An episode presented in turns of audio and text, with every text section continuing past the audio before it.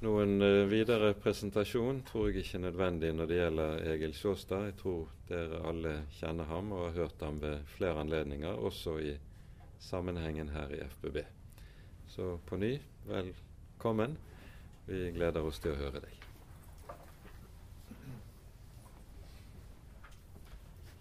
Ja, takk for det. Jeg eh, er i ferd med å bli litt forkjørt. Så hvis noen hører dårlig, så kan de komme helt fram. Men uh, jeg skal prøve å bruke stemmen så greit som mulig, da. Jeg har laga en disposisjon som ikke gir veldig mye mening uh, isolert, men som kan være mulig å ha foran seg, så en får følge tråden i det jeg skal ta fram. Og uh, jeg fikk da som bestilling nådemidlene, Guds gave til menigheten, parentes, i sjelesørgerisk lys. Og så har jeg gjort et par presiseringer til emnet uh, i min forberedelse.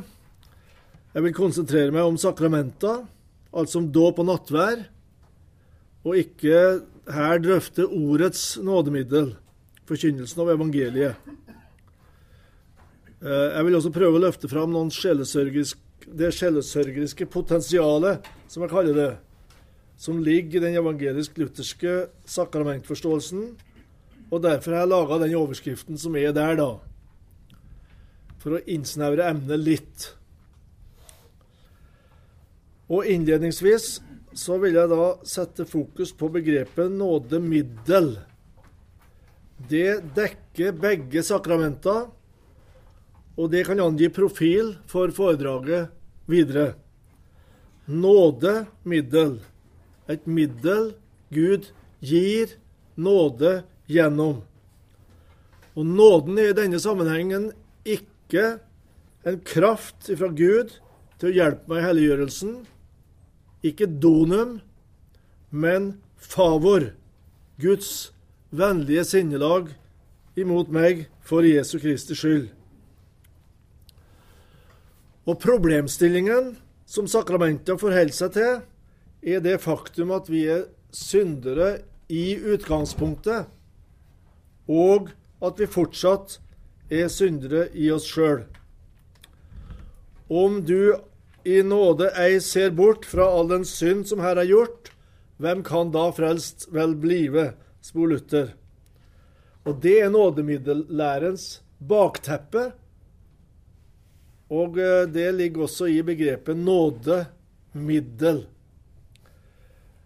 Der hører begrep som arvesynd, syndighet, kjødet, av naturen vredens barn, gjerningssynder, anfektelse, hører med i det bakteppet her.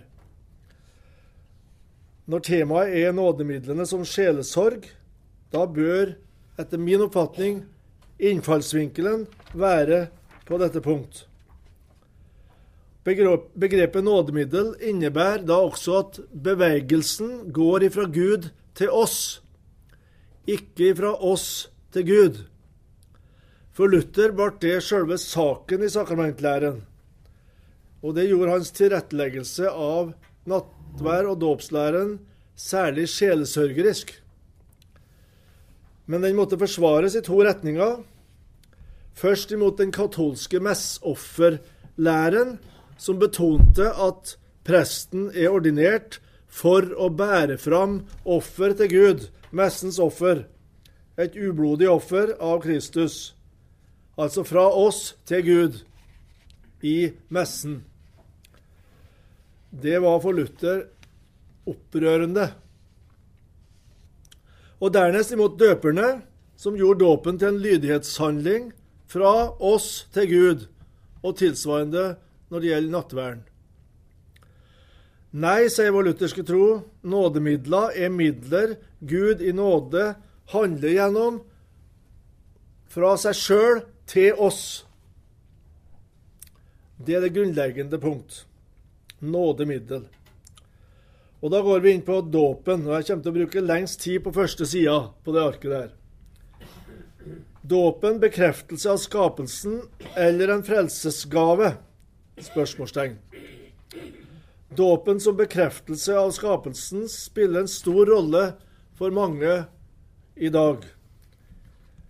Jeg er med på at det kan være et bimotiv. Barnet bæres til dåp, Guds unike skapning. Gud ser sitt bilde i det. Han bekrefter i dåpen at han anerkjenner det, tar vennlig imot det, som det heter i ritualet, og vi synger fylt av glede over livets under. Altså over livets under, det som allerede har skjedd. Bærer vi vårt barn. Og vi feirer dåp. Som jeg sa, som bimotiv aksepterer jeg det. Jeg tror det er et poeng, især når det er barn som skal døpes. Men tema som arvesynd i forbindelse med nyfødte barn, det er ganske fremmed for mange i, i vår tid, som ikke har lært barnelærdommen, som vi før kalte det. Kanskje er det derfor at nyere salmeforfattere betoner menneskets storhet og verdighet først, og de som har litt eh, fylde i budskapet sitt, går derifra inn mot forløsningslæren. Gerd Grønvold Saue gjør det i sin nydelige dåpssalme. Eh, det skjer et under i verden hver gang et barn blir til. Over det gryende livet lyser Guds skapersmil. Det er helt flott uttrykt.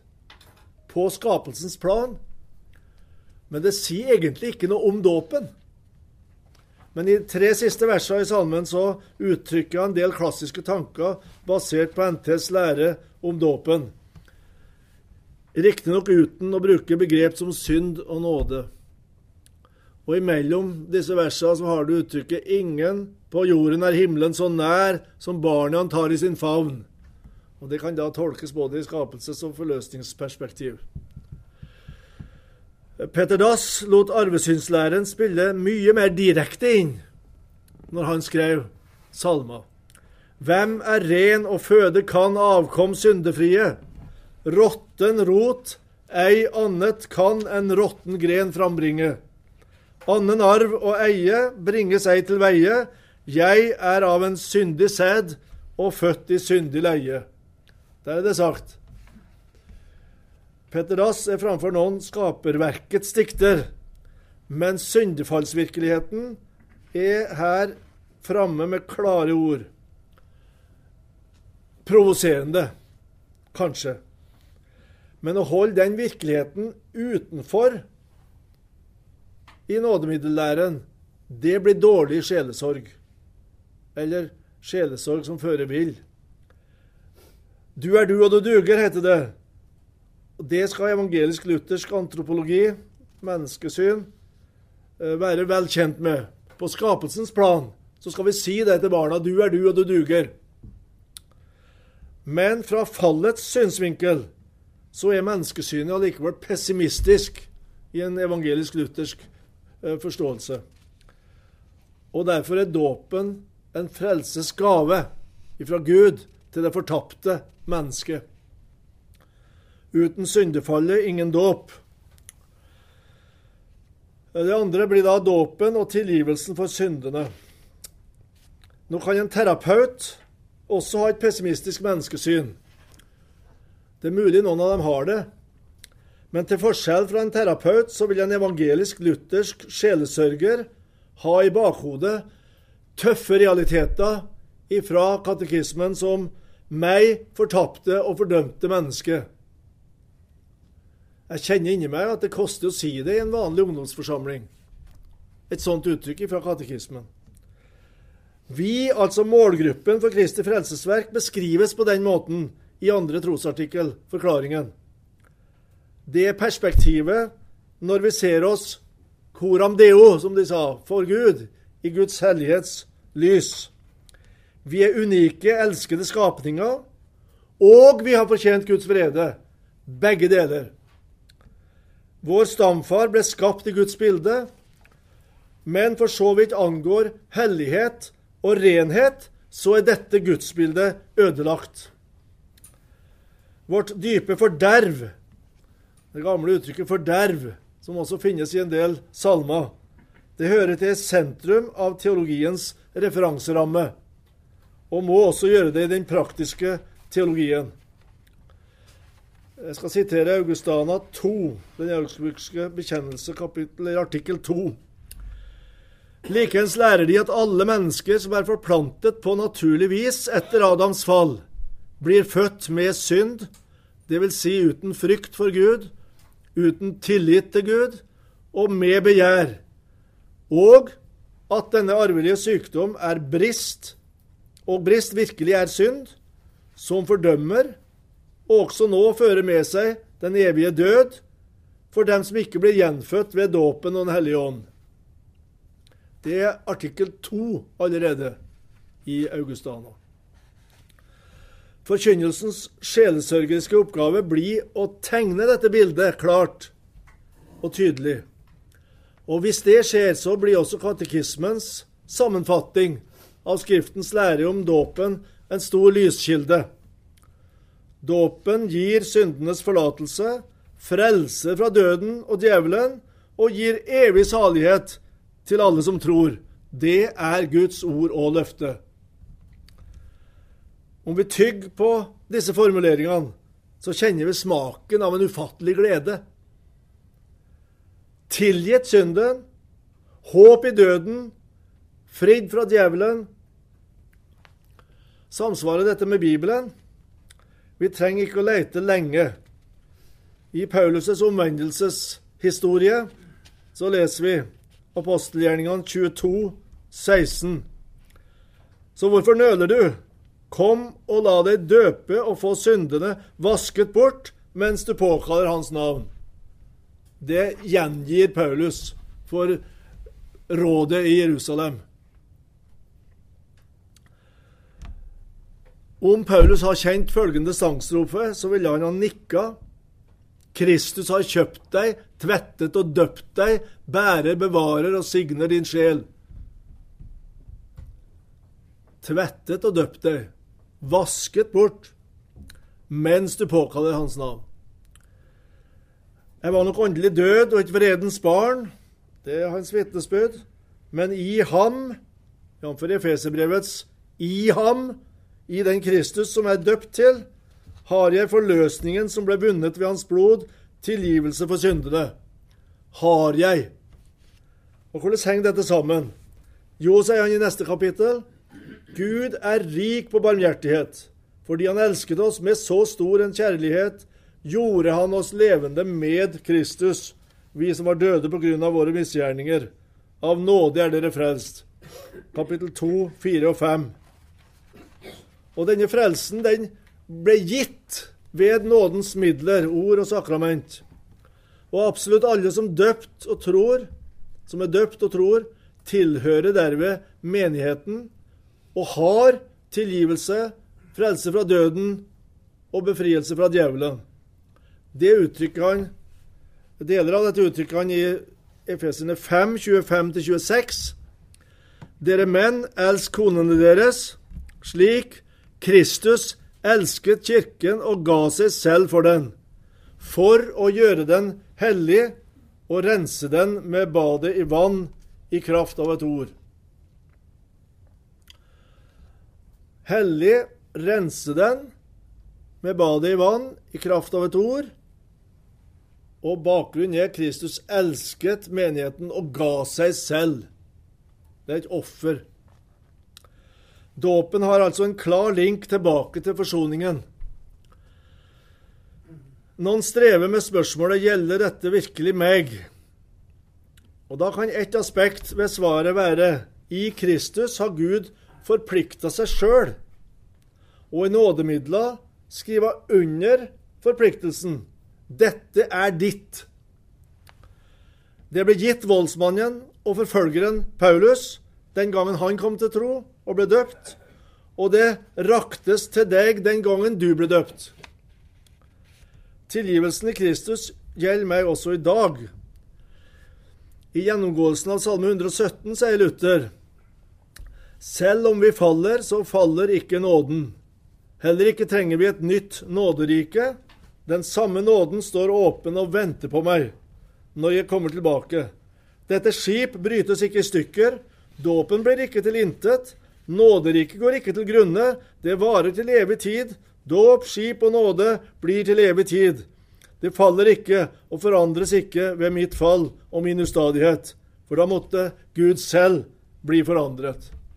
Sitat Luther. Men dermed er vi for lengst kommet inn i dåpens kontakt med hovedartikkelen i vår tro, rettferdiggjørelsen. Det blir det neste punkt. For den helligelsen og renselsen som vi leste om i Efeserbrevet, det er nemlig en virkelighet å leve i. Det er en påkledning. Galaterne 3, 26-27. Dere er alle Guds barn ved troen i Kristus Jesus. Alle dere som er døpt til Kristus, har kledd dere i Kristus.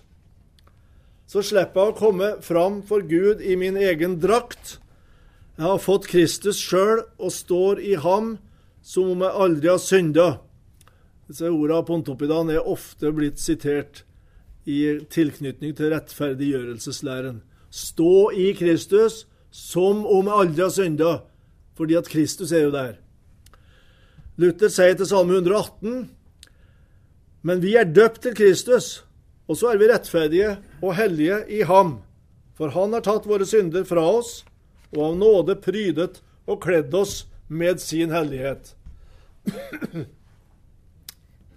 Jeg må tenke på et avsnitt i Esekiel 16. Jeg har nettopp lest det. og, Der skildres judafolket som ei jente som Gud tok seg av. Litt ut i kapitlet skal de høre. Esekiel 16, vers, 18, vers 8 utover. Jeg sverget deg troskap, inngikk pakt med deg, og du ble min, sier Herren Gud. Jeg vasket deg med vann, skylte blodet av deg og salvet deg med olje, og så kledde jeg deg i fargerike klær tok på deg sandaler av fint skinn, bandt lin om hodet ditt og svøpte deg i silke. Jeg pyntet deg med smykker, ga deg armbånd rundt hånden og kjede om halsen. Du ble strålende vakker, du var verdig til å være dronning. Han forteller Gud om, om eh, utvelgelsen av Israel. Vi er blitt kongebarn, ja, Kristi brud, dressed in beauty ikledd fremmede festklær. Men de er egentlig ikke fremmede heller, for de er gitt til oss som vår eiendom. Jeg står ikke i min egenproduserte rettferdighet, men i den som jeg får ved trua på Jesus Kristus. Filipperne 3, 9. Rosenius sa det sånn Alt det Kristus var, gjorde og hadde, er i dåpen overflyttet til oss, gitt til oss. Begrepet rettferdiggjørelse uttrykker dermed enda tydeligere enn begrepet tilgivelse at dette er en tilstand å leve i. Vi er i dåpen plassert i nådestand, og ved trua på Jesus eier vi nåden hvert eneste sekund. Så vi i all svakhet og skrøpelighet må lære å si 'Jeg er jo ikke døpt til meg selv, men til Kristus'. Jeg kan allikevel aldri bestå for Gud i min rettferdighet, men i hans. Jeg er jo ikledd Kristus. Bort med all sorg og fortvilelse, og la oss ved denne trøst hente kraft og mot til å leve med ham og dø med ham. Amen, sier Rosenius. Siterer litt til. Og selv om han, den troende, i dette livet må bære på det onde kjød til sin egen sorg, så skal likevel ingen synd bli regnet ham til fordømmelse. For han er kledd i min rettferdighet, og den skal bestå for Faderens øyne. Og til sist, når han er trett av vandringen, skal han sovne inn i troen på meg, frigjort fra alt ondt i seg og om seg, for til slutt å nyte den evige glede hos meg. Alt dette lover jeg den som tror og blir døpt i Faderens, Sønnens og Den hellige ånds navn. De finner dette sitatet i et av bindene til Rosenius eh, om nådemidlene. Som ung kunne jeg streve med tanken på at jeg hver kveld måtte bekjenne synda mi for igjen å bli et Guds barn. Jeg fikk ikke dette liksom til å rime, da. Har jeg synda, det visste jeg jo gjort, så, så jeg kommet ut igjen. Så måtte jeg bekjenne. Det finnes noen som strever med det der. Og Da blir det en veldig trøst og så tenker jeg at det er en virkelighet jeg lever i. Og når jeg faller, så er det innenfor den rammen jeg, jeg faller. Og jeg skal få gjøre opp min sak med Gud i den konteksten av rettferdiggjørelse. Jeg er der. Hadde det ikke vært sånn, så hadde jeg, jeg aldri ha stått her. Det eneste måten jeg kan bli frelst på, det er at det er på den måten. Som rettferdiggjørelsen angir. Endog i livets mørkeste stund gjelder der oppe nådens forbund, altså pakten. Den gjelder der. Også når jeg slår av lyset om kvelden. Eller når det blir veldig mørkt pga. at jeg kjenner at jeg har svikta. Så er jeg der. Men så blir spørsmålet gyldig dåp. Det blir det fjerde punktet her. I gammel tid ble spørsmålet om gyldig dåp reist når han som døpte, ikke ble regna for gjenfødt. Donatistene mente dåpen da var ugyldig. Det må ha skapt mye sjeleuro. Oppgjøret med donatismen baserte seg på Nytestamentets ord om dåpens vesen. Dåpsforvalteren tillegges ikke prinsipiell betydning. Sakramentenes gyldighet avhenger ikke av presten som forvalter dåpen. I Kristus er sakramentenes innstifter og sakramentenes gave, og denne gave gis når den forvaltes i pakt med hans innstiftelse. Jeg var i Sør-Amerika før jul, og der havna jeg midt oppi den eh, problematikken her. Eh, nasjonale kristne ledere sier vi møter kristne som sier er jeg virkelig døpt med gyldig dåp. Eh, sammen med den ordinære debatten om barnedåp og voksendåp, så er de da opptatt med den folkekatolske konteksten som deres dåp skjedde i da de var små. I den katolske eh, ja, fromheten som rådde. De kjenner kanskje litt til latinamerikansk kirkeliv. Og så kommer en slags propaganda fra baptistisk og karismatisk hold å skape lekkasje fra de lutherske menighetene. For du er ikke rett døpt. Her blir det sjelesorgens oppgave både å imøtegå donatistiske tendenser og å forsvare barnedåpen.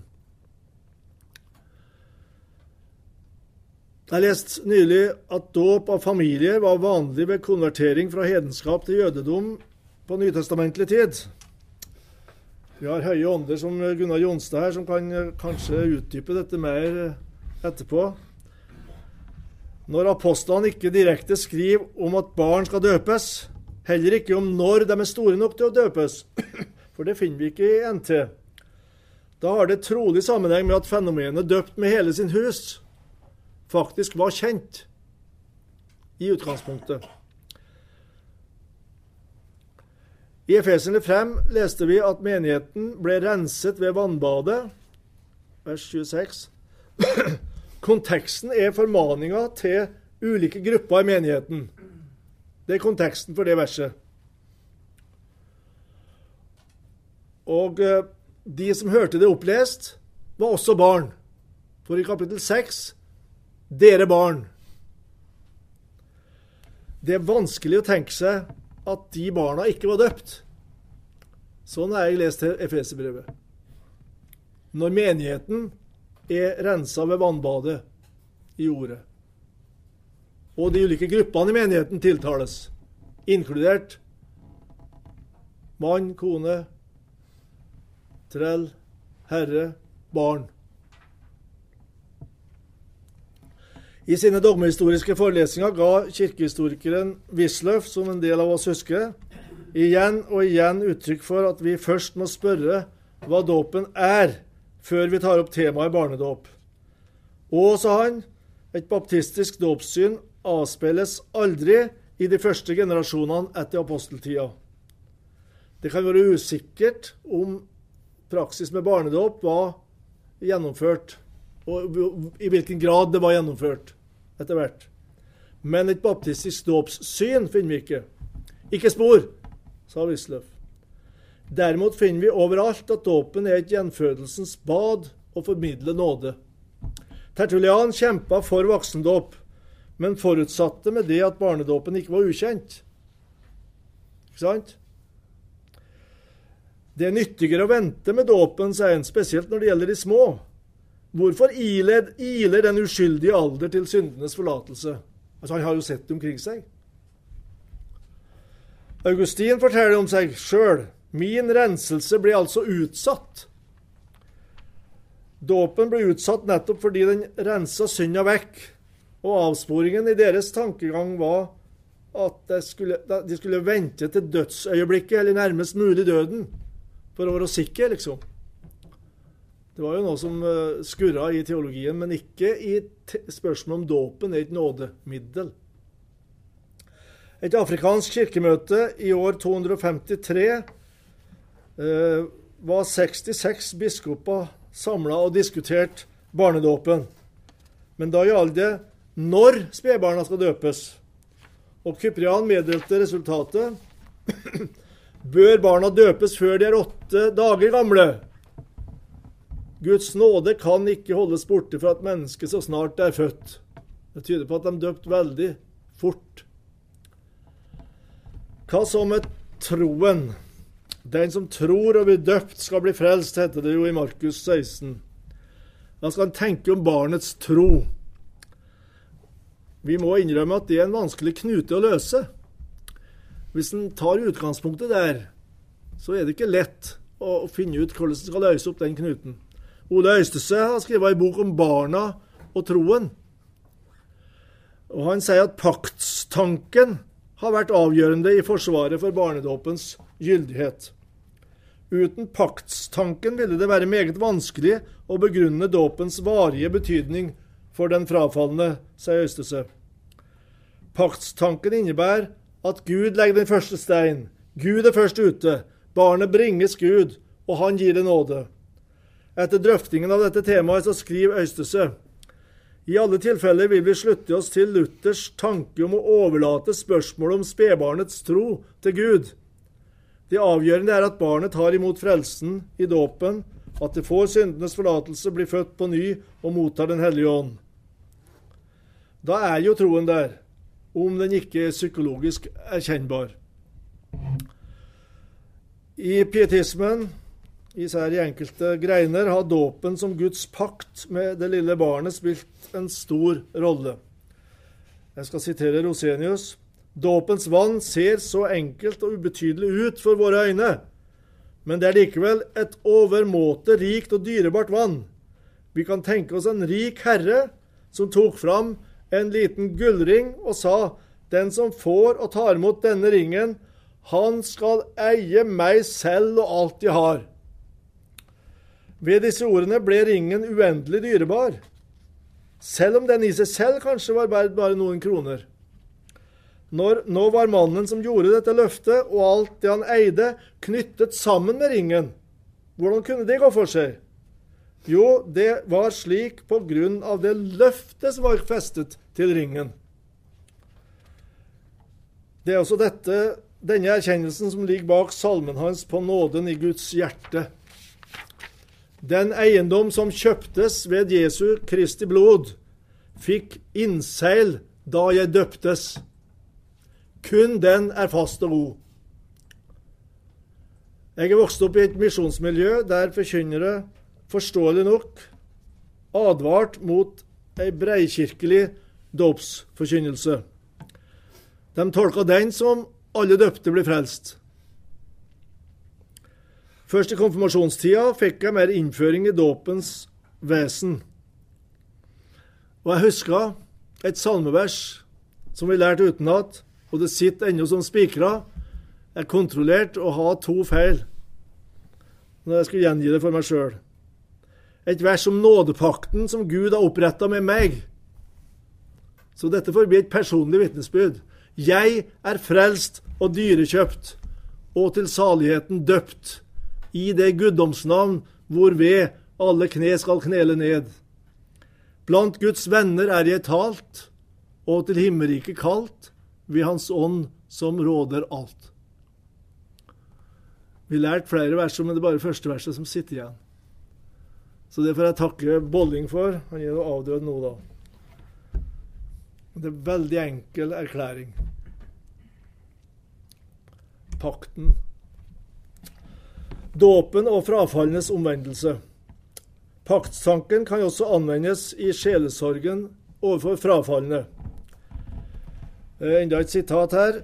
Til sjuende og sist er i virkeligheten barnedåpen et veldig middel til å vekke de sovende. Tygg litt på den. Du ble allerede i ditt livs morgen opptatt i Jesu favn og Hans nådes samfunn. Og likevel har du gått bort fra din kjære frelser. Du har brutt pakten med ham, du forakter nåden og tramper på Kristi blod. Det er en sånn tragedie som skildres. Eh, jeg må jo tenke meg at de som dette skal gjøre inntrykk på, virkelig må komme på innersida altså, skjønne at det er alvor. da. Men ideelt sett, egentlig, så er det en rød lampe som lyser for den som eh, vender Kristus ryggen. Ei rød lampe som er tent i dåpen. Bak uttrykka ligger også apostelens billedbruk i 1. Korinterbrev 10. Her er ingen dåpsmagi, like lite som Israel kunne vise til at de ble døpt til Moses i skyen og i havet. Har de hørt det uttrykket? Henspillet på dåpen. Når de trossa Gud, som frelste dem. Like lite er dåpen en garanti for oss, vi vender, om vi vender oss bort i vantro og ulydighet. Det er en rystende vekkelsestale, starten av kapittel 10 i 1. Korinterbrev. Til menighetsmedlemmer som er døpt. Det er det. Å stole på sin dåp og leve i strid med Guds bud, det er sjølbedrag. Øystese drøfter en uttrykksmåte som har vært vanlig i kirkelige kretser når frafallene skal kalles tilbake, og vende tilbake til dåpen. Å anfekte dette rent prinsipielt er vanskelig, sier Øystese. For det er jo ikke slik at vi kan sette dåpen og Kristus opp mot hverandre. En annen sak er om det er pedagogisk klokt, uten nærmere forklaring, å bruke Luthers uttrykk 'å stole på sin dåp'. Én ting er å stole på at en er døpt, en annen er å stole på det Gud ga i dåpen. Her er det innfallsvinkelen som da Øystese mener er viktig. Hva dåpen innebærer for vår livsholdning. Nytestamentlige formaninger tar ofte utgangspunkt i dåpens død og oppreist med Kristus.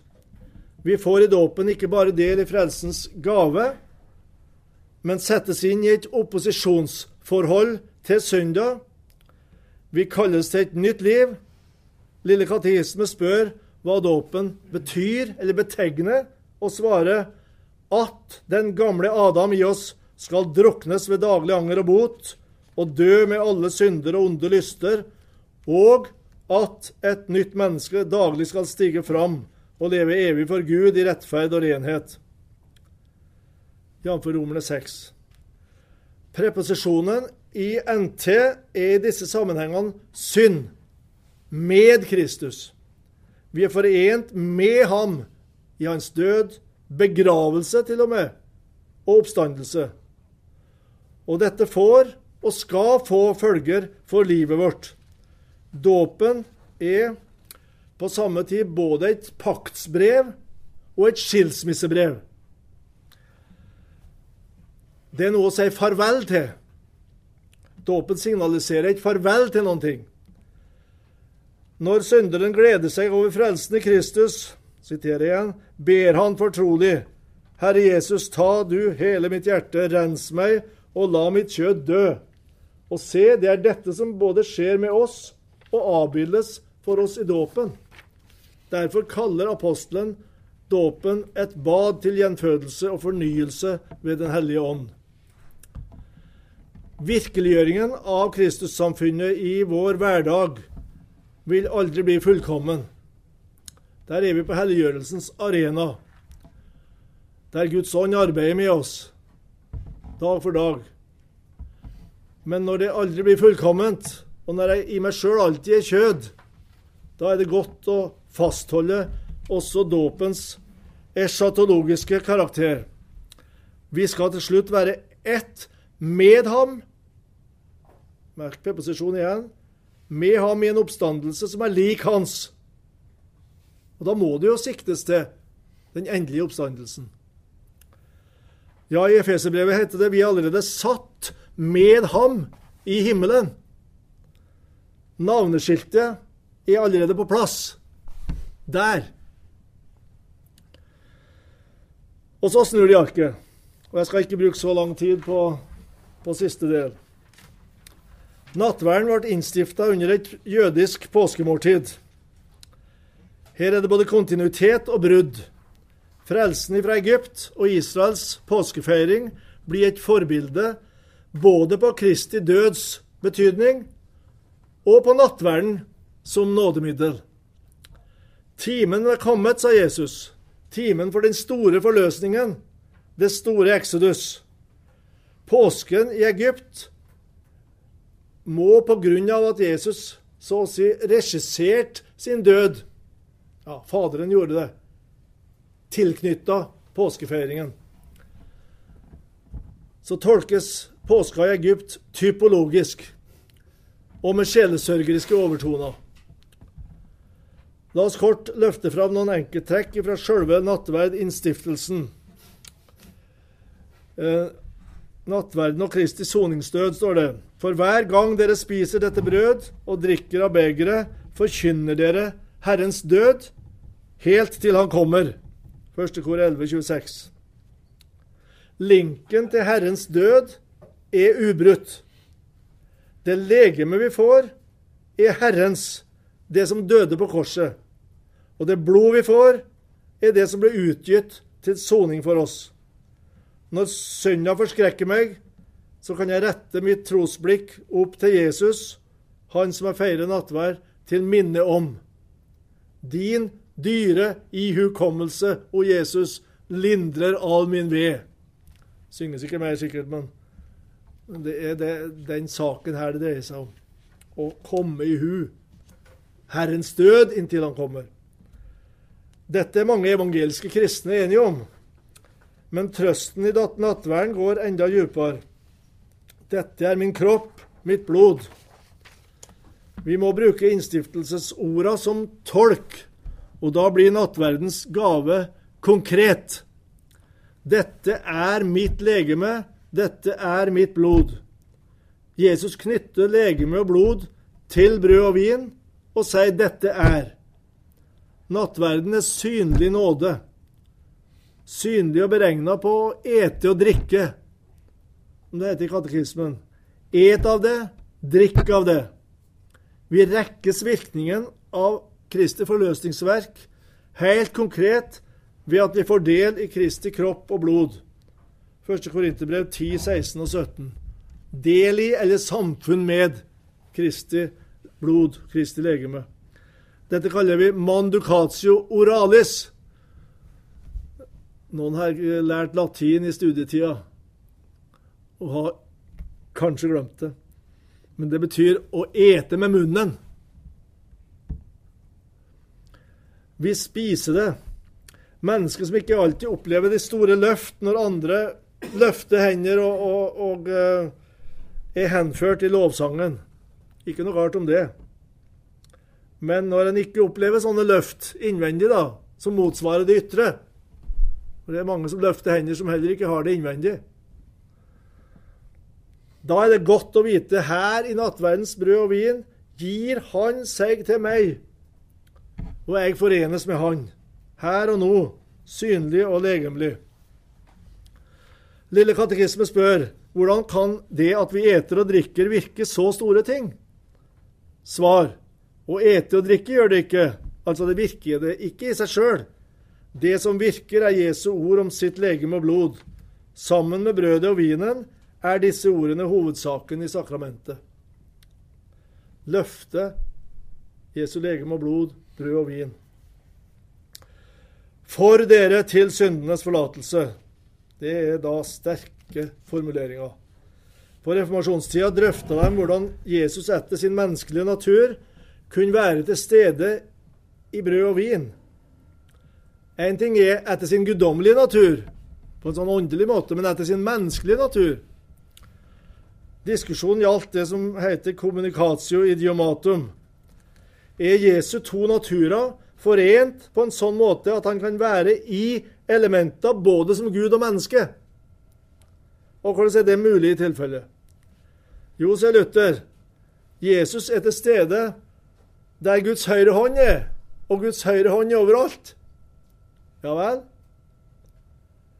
Men da er han også i kålsuppa, svarer motstanderne hans.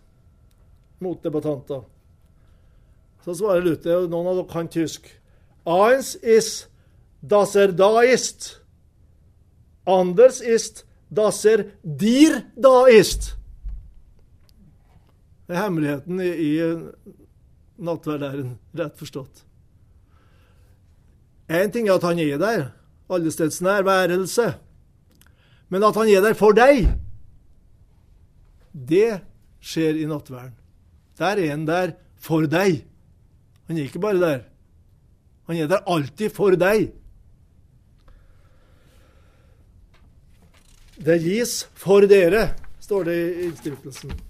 I oppgjøret med katolisismens messeoffertradisjoner så var Luther bestyrta over at nattverden ble gjort til noe som den katolske presten gir og ofrer til Gud. Jesus sier altså ikke, sier Luther, ofre eller gi meg noe i messen. Nei, han sier ta dere, ikke jeg, og spis dere, ikke jeg. Drikk dere, ikke jeg. Vi, vi skal ta imot og får her. Dette kan de lese om i Martin Luthers teologi, som Wisløff eh, skrev. Petter Dass avspeiler katekismeordenes 'for dere' når han skriver. Nå må du høre et godt nattværvers. Et hjertens ord jeg ser at stå i teksten blant de steder der hvor Vår Herre sier så, det gives hen for eder. Det ord, for eder, krever ut et hjerte med tillit til Gud. Det ord er søm og spiker som nagler alle hjerter fast, at ingen synder blir forkast som etter Herren skriker. Søm og spiker, nagle det fast, for eder, for dere. Ifølge Matteus så presiserte Jesus uttrykket 'for dere' med å si 'dette er mitt blod, paktens blod, som blir utøst for mange så syndene blir tilgitt'. Nattverden forutsettes gjentatt, ikke sant? Og når nattverden inneholder sånne formuleringer, så må det bety at vi som tar imot nattverd, alltid er syndere. Fortsatt syndere. Akkurat som Fader vår er helt sikkert beregna å bli gjentatt. Og du kan be dag etter dag, Fader vår, og du sier 'forlat oss vår skyld'.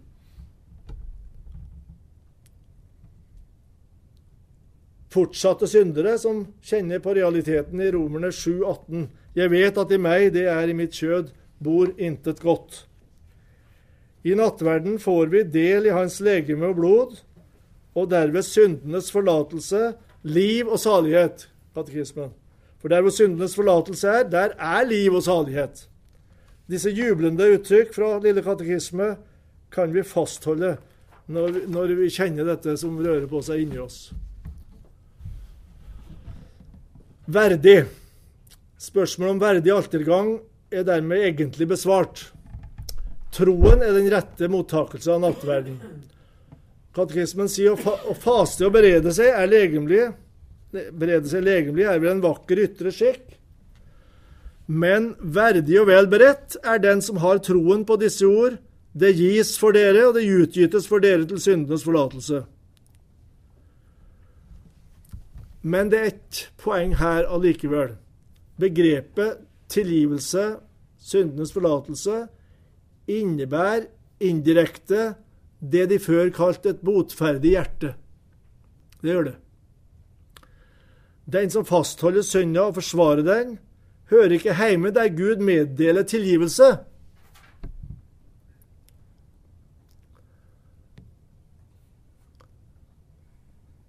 De tok det poenget der. Fastholder jeg synda og vil forsvare den, så er ikke tilgivelsen deg kommer for å ta imot. Det er det Gud vil gi. Da blir det det minste sjølmotsigende å gå til nattvær.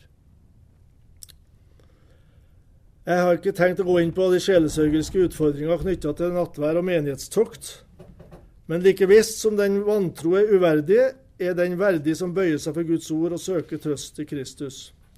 Et siste sitat av Kristian skriver, og skriver, skriv, i sin sjelesorg.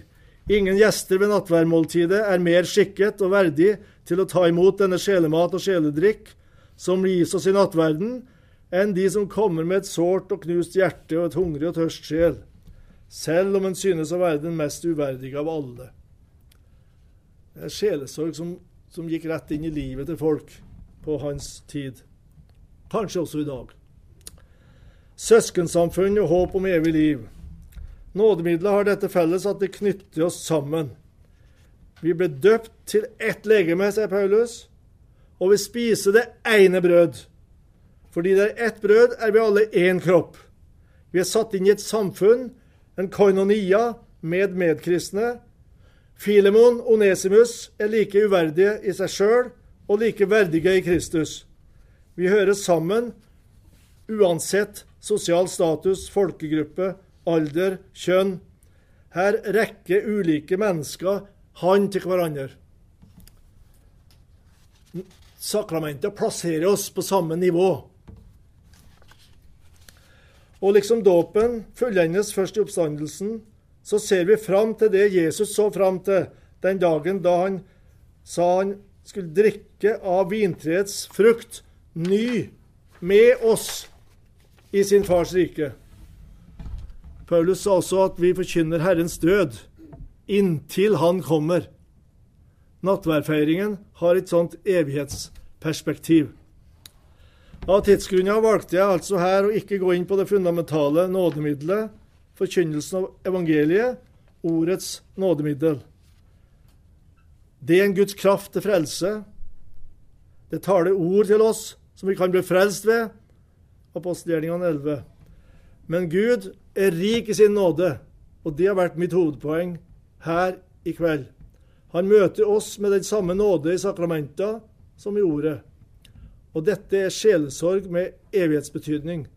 For sakramenta bærer med seg sjølve evangeliet om tilgivelse for syndene for Jesu Kristi skyld. På det får vi leve, på det får vi dø, og på det blir vi evig salige. Amen.